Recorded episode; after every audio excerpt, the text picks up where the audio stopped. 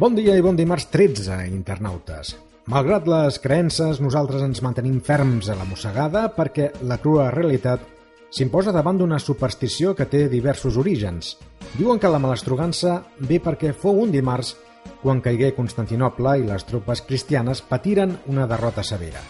I el número té com origen el fet que es considera Judes com l'apòstol 13, i un dels apòstols de l'actual govern és el ministre García Margallo, que s'està erigint com un dels màxims detractors del dret a decidir.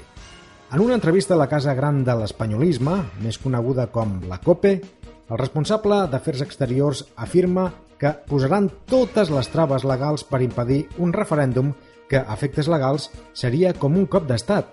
La resposta del president Mas no triga en arribar explicant que l'autèntic cop d'estat a la democràcia és prohibir la consulta, i ell prefereix una victòria a les urnes que als tribunals. Resulta paradoxal que el màxim diplomàtic d'Espanya vagi fent declaracions com aquestes i poques hores després defensi a ultrança el dret a l'autodeterminació del Sàhara, indicant que cal una solució negociada per acabar amb el conflicte. Senyores i senyors, visca el criteri de la diplomàcia.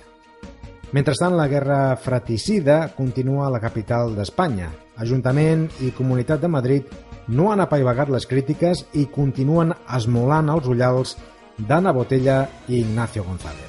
En aquest sentit, es feia pública la notícia de la signatura de l'alcaldessa contra el tancament de l'Hospital de la Princesa. El president de la comunitat va compareixer per criticar la desinformació en què està immersa Anna Botella, que no comprèn el que realment succeeix a Madrid. Aquesta és una mostra més que demostra que la sortida d'Esperanza Aguirre no va ser per la via pacífica i voluntària, com se'ns va voler fer creure en un moment donat.